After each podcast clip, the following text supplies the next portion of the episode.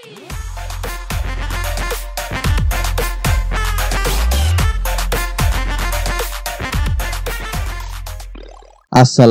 warahmatullahi wabarakatuh. Baik lagi sama gua Yoga Kuryawan di podcast Menggerutu. Waduh, udah lama vakum nih gua nih, udah berapa bulan ya. Udah episode 4 terakhir sih. Sekarang mau take episode 5 ini.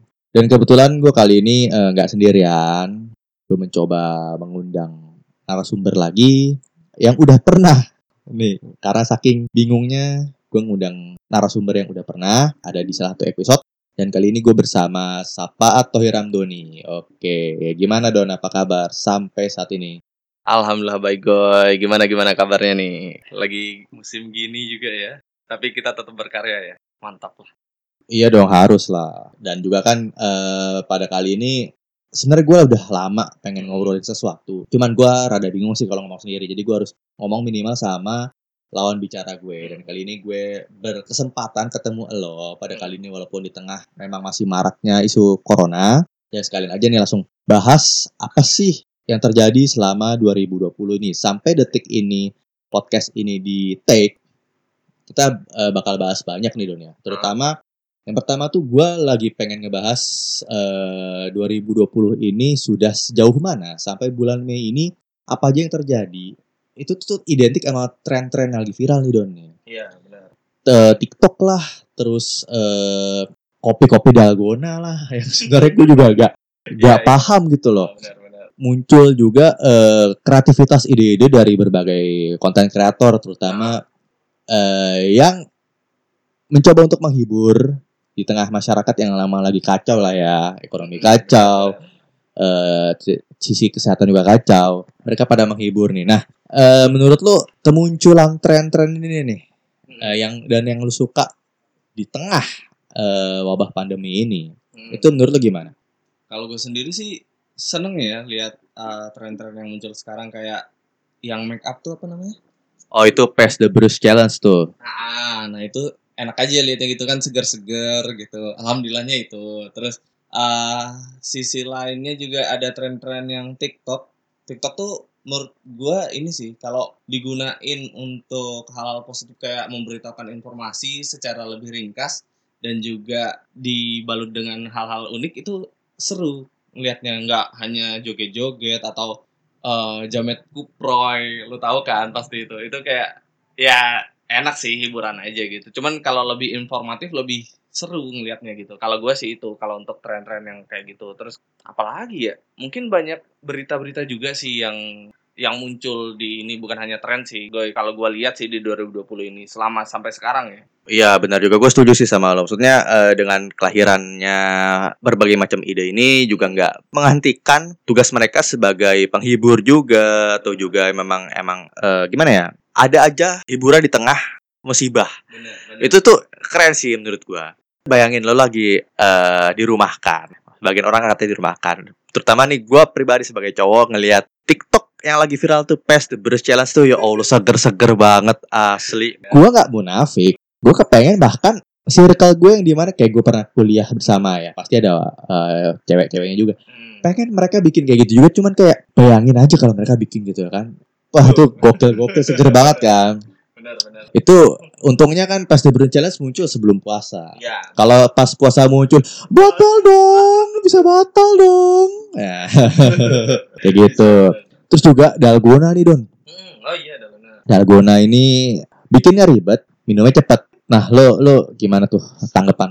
Kalau gue sendiri sih sebenarnya gue pengen tuh pernah pas waktu itu eh gue pengen bikin sama Yasmin sama Faras temen gue ya. Cuman nggak kesampaian mulu gitu. Karena memang pertama mager ya buatnya ya. Kalau gue sendiri ya ngaduknya lah, ngocoknya lah. Tapi diminumnya cepet gitu kayak ah serius gini doang gitu. Cuman emang kalau buat trending sih pasti keren gitu. Itu sih kalau gue. Tapi gue lihat teman-teman gue yang buat dalgona kayak anjir keren ya bisa ya gitu loh pengen aja cuman nggak kesampaian sampai sekarang gitu itu aja sih maksudnya kayak ya sesuatu yang baru di kala pandemi asik sih buat dicoba menurut gue sih gitu Iya, Dalgona itu emang eh, apa namanya? Kopi yang ala-ala lah, kopi rumahan gitu kan. Emang bikinnya emang susah banget itu. Terus banyak juga tuh dari TikTok emang melahirkan banyak banyak hal baru, banyak pandangan baru juga, banyak pro kontra TikTok tuh. Ada yang goyang mamah muda, waduh itu gak bener, gak bener, gak masuk akal. Goyang mamah muda yang joget anak SMA, ya kan bener bener bener banyak gitu loh. Terus seger, seger deh pokoknya TikTok dah, pokoknya dah. Gue pengen bikin TikTok takut viral. Ya. Belum Lu- masalahnya masalahnya gue belum siap viral dong. Begitu jadi apalagi yang bahas ya. Terus ini kita kan masih menjalani masa corona, Ya, bener. anjuran pemerintah yaitu PSBB, Bener. peraturan sosial berskala besar ya. Yang sekarang banyak penafsirannya menjadi peraturan serba basa-basi.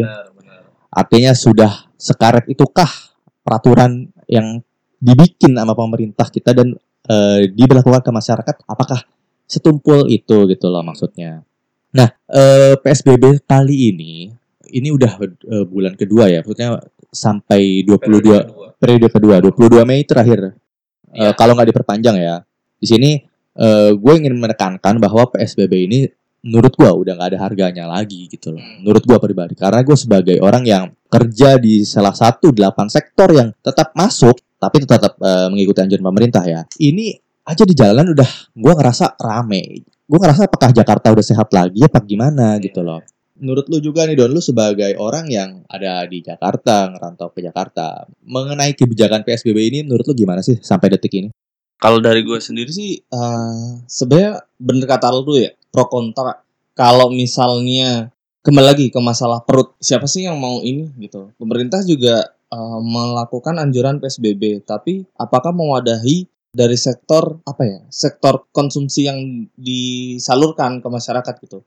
Itu sih, soalnya kalau eh, ramai untuk mencari eh, rezeki atau untuk isi perut gitu, itu masih dalam artian wajar gitu karena memang pemerintah belum bisa menanggulangi itu gitu.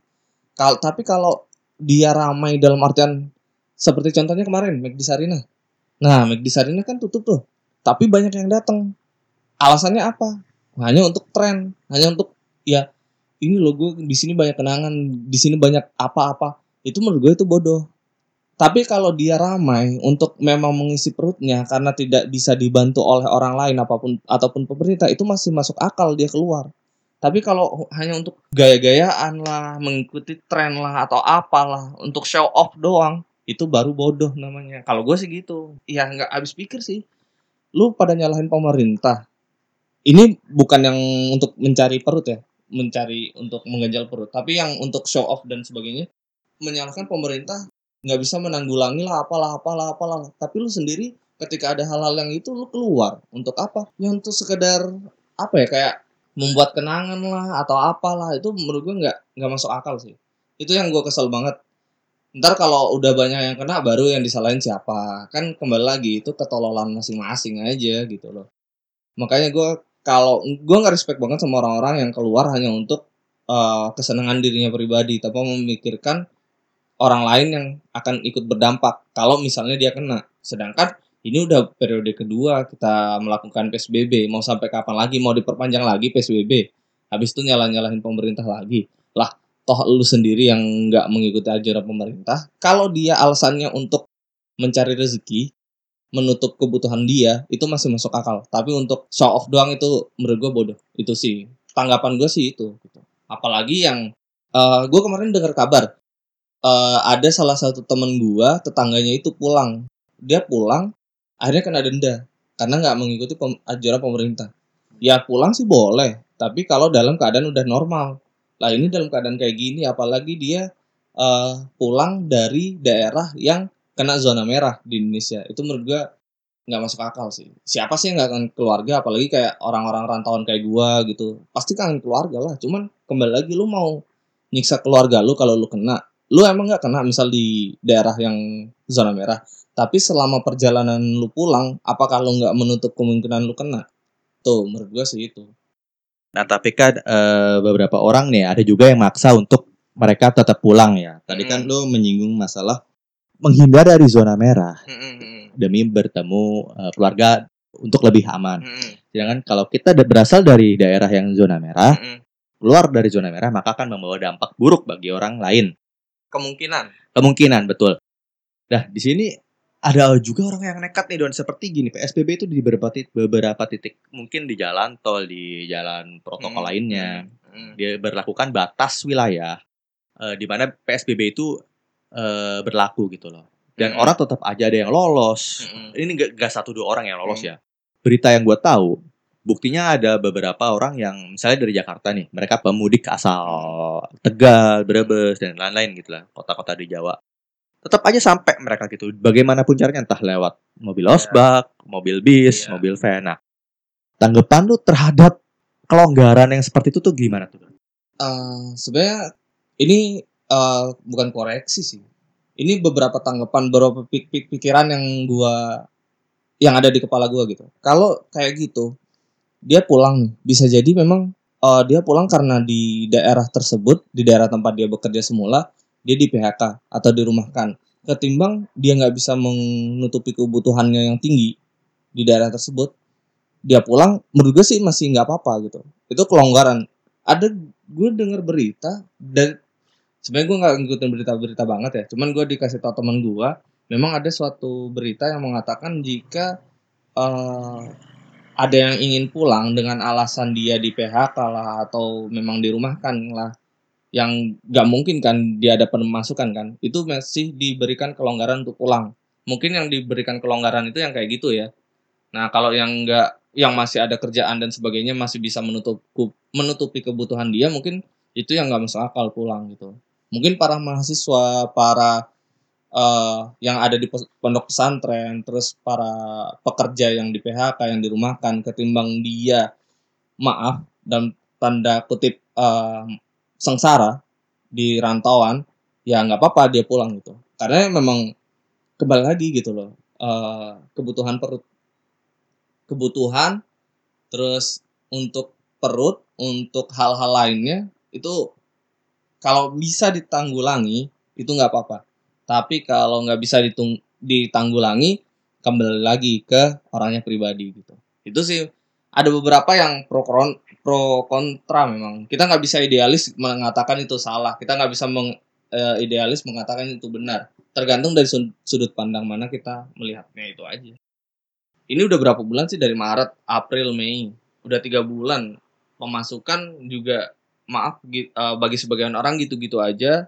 Ada yang juga nggak ada pemasukan sama sekali. Ada yang ya masih stabil gitu. Jadi kayak pro kontra banget lu tergantung dari lu aja mau ngambil dari sudut pandang mana kalau lu bilang lu dari sudut pandang yang ini mungkin salah nih kelonggaran seperti ini tapi dari sudut pandang itu mungkin bisa jadi oh itu benar ketimbang dia sengsara dan lain-lain Oh jadi gitu tuh maksudnya eh memang menimbulkan banyak pro kontra tapi balik lagi ke sisi di mana kita harus bisa ambil yang mana untuk terbaik gitu aja. Ya, sebenarnya nggak ada yang salah nggak ada yang benar sih intinya.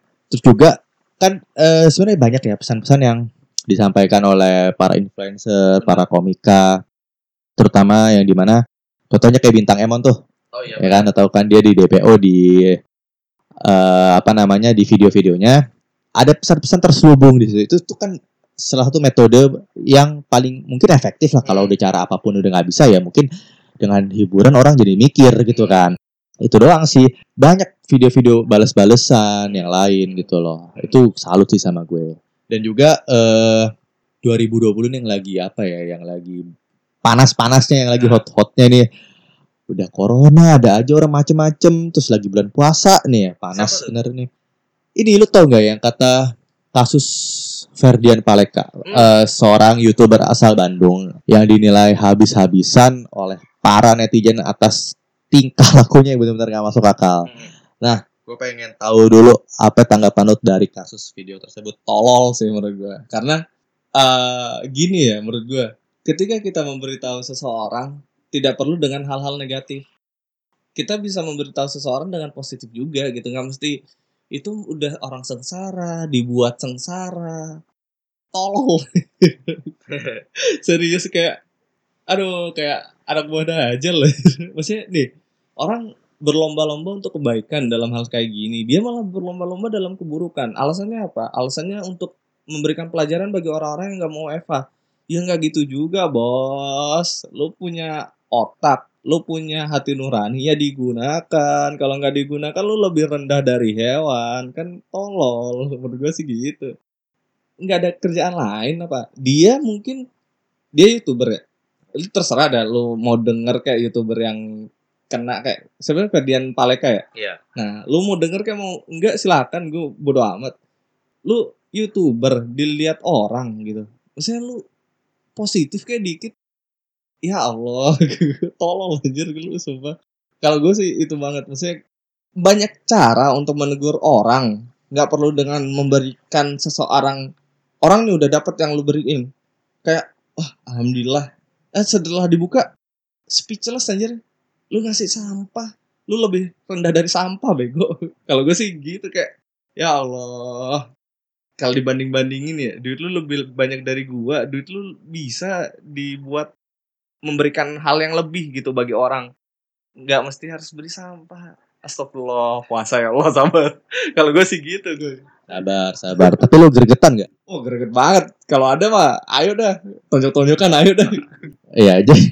Dunia aja gregetan gitu, apa- apalagi kita semua ya. Tapi emang emang eh, terlepas dari apa pun itu, si Ferdian Paleka ini udah apa ya eh, ngelanggar norma sih sebenarnya. Udah udah gak ada tingkah, gak ada akhlaknya banget itu loh. Gak ada akhlaknya. Karena bayangkan pekerja waria ya sekarang namanya itu transpuan ya. Maksudnya transpuan ini lebih formal lagi. Itu aja mereka juga nyari duit dengan cara yang seperti itu gitu loh mending lah kalau kita kasih apresiasi atau nggak apa ya berupa misalnya atau uang makanan yang sesungguhnya gitu. Kita nggak membenarkan kerjaan mereka. Kita nggak membenarkan kerjaan mereka tapi alangkah manusiawinya ketika lu nggak memberikan seseorang sampah gitu loh. Maksudnya ah itu lagi ya. Lu lebih rendah dari sampah menurut gue betul iya. Maksudnya jangan jangan ngasih sampah atau batu. Itu kan prank yang nah ini berarti ini dong nih Nah. budaya prank ini sebenarnya udah kayak turun temurun yang dari emang udah ada dari dulu dulu kali ya. Hmm. tapi kalau di luar negeri tuh keren. Yang ada tuh acara di luar negeri yang dia prank-prank kayak spontan gitu. Itu sih lebih masuk akal lebih lucu malahan ya kan. Hmm. sekarang kan gini targetnya prank adalah kan untuk mencari eh, viewer di mana itu adalah konten menghibur gitu. Iya benar. Kita garis bawahi prank adalah konten menghibur bagi Benar. mereka sebagai eh, pembuat konten prank. Benar. Sedangkan jika kita belokin maksudnya kontennya kita belokin untuk menjadi hal negatif itu pun bisa. Dan juga harus terima konsekuensinya. Maksud gue seperti gini pandangan gue gini ya terhadap prank. Sebenarnya nggak masalah lah kreativitas orang mau bikin prank mau bikin Hmm. podcast mau bikin video belajar video apa pun video masuk terserah. Cuma balik lagi siapa pun yang melakukannya harus siap terima segala konsekuensinya terlepas positif atau negatif.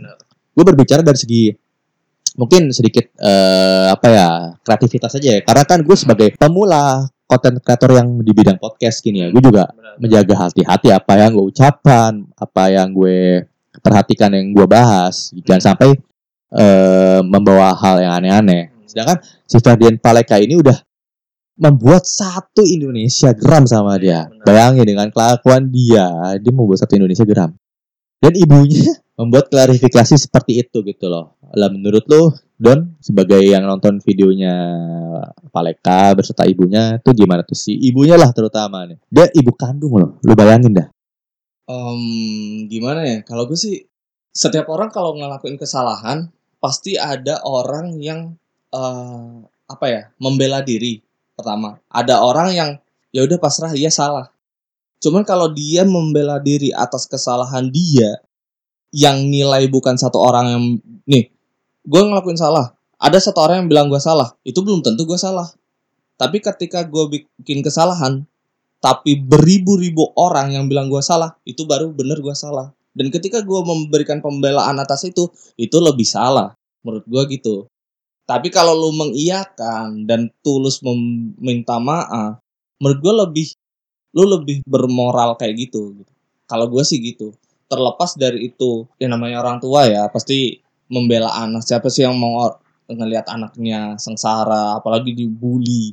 Dibully lah satu Indonesia gitu.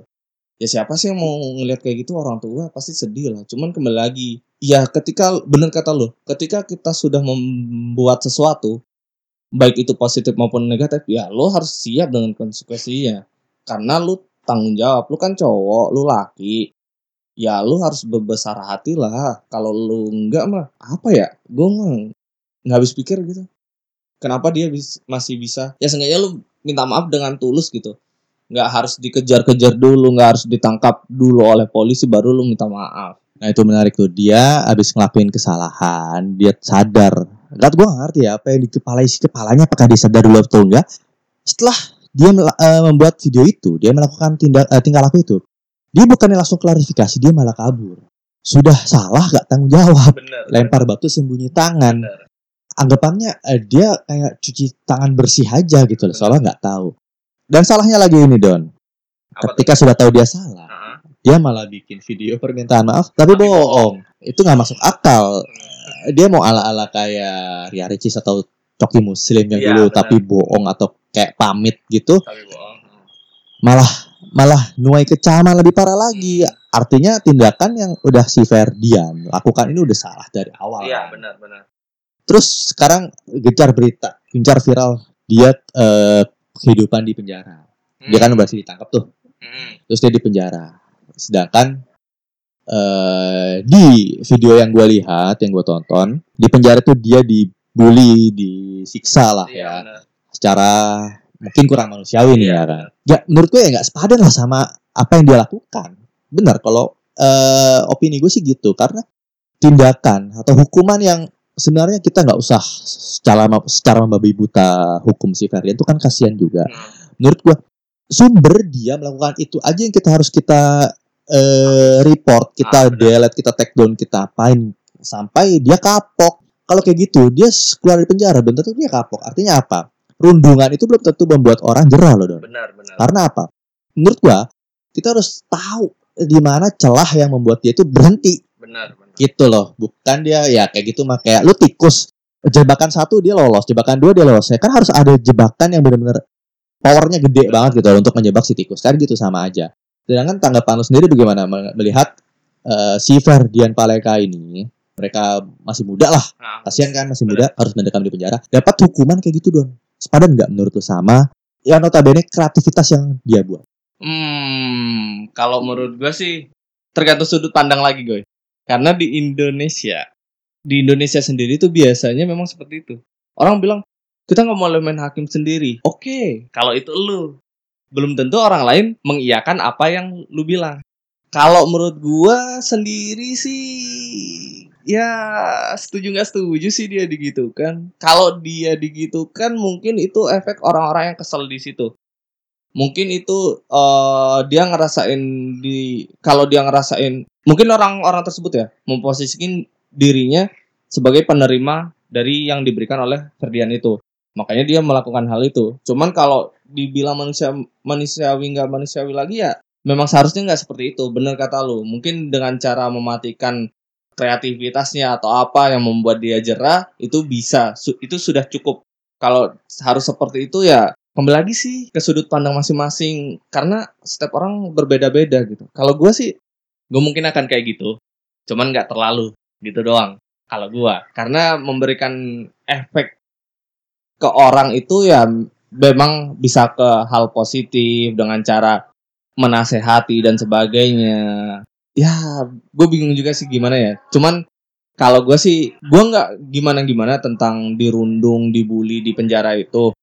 Tapi kalau keterlaluan ya balik lagi berarti orang yang melakukan itu lebih parah dari Ferdian itu aja. Tapi kalau masih dalam batas wajar, sebenarnya membuli nggak boleh ya. Cuman dia kan sudah melakukan kesalahan. Ketika dibully orang berarti ya emang dia harus konsekuensinya seperti itu gitu. Ya setuju nggak setuju sih kalau gua. Eh, ya, jadi eh, intinya eh, bagaimanapun juga lah ya kita nggak usah ngehujat Ferdian segitu parahnya lah ya. Kita harus juga ada rasa manusiaan terhadap dia walaupun emang tingkah lakunya salah tapi kita bukan sok meluruskan Hmm. tapi ya udahlah kita harus bisa cari solusi bukan nambah solusi kan kasihan juga. Benar. Eh, dan juga udah mau buka puasa nih udah jam berapa nih? Tapi nyari takjil sih. Iya sih benar-benar. Eh lu sedih gak sih yang beberapa public figure yang kita punya di 2020 ini kita kehilangan mereka. Mereka pergi untuk selama-lamanya. Termasuk yang pertama, yang gue tahu di bulan Januari itu ada Kobe Bryant ya. salah. benar. seorang perbasket yang benar-benar dia eh, legenda lah di bidang basket. Dan yang kedua, eh, kalau nggak salah selanjutnya itu di bulan Februari ada almarhum Ashraf Sinclair ya. Iya benar. Dia juga orang yang sosok yang dermawan, almarhum emang banyak dikenang oleh para istri dan sahabat-sahabatnya. Sedih sih. Menurut lu sedih nggak? Sedih lah, maksudnya gue tahu basket dari dia. Teman-teman gue pas itu dulu dulu cerita gitu tentang basket. Ah, apaan gue nggak tahu basket sama sekali dulu. Nah, ada satu pemain yang dibilang ada nih Kobe Bryant. Dari situ tuh gue cari tahu tentang dia dan sebagainya. Nah, pemain basket yang gue idolakan ya dia. Terus Ashraf, wah Ashraf menurut gue sama BCL ini banget sih. Tapi setelah berita itu kayak, ah, serius nih. Baru kemarin loh BCL. Pas itu kan jadi juri Indonesian Idol ya. Baru kemarin loh. Terus baru kemarinnya juga gue lihat dia promosiin video video promosional kesehatan kalau nggak salah ya. Kayak gitu. Nah itu. Dan keesokannya dia udah dipanggil sama Imam Kaswa. Terus ada juga eh selain dua orang itu Glenn. Ah itu benar-benar ah tembang-tembangnya karya-karyanya itu akan selalu melegenda menurut gue. Iya, Glenn eh, almarhum Glenn Fredly gitu itu emang bener seorang maestro musik Indonesia yang benar-benar menggemparkan dunia musik Indonesia atas kepergiannya yang nggak disangka ya.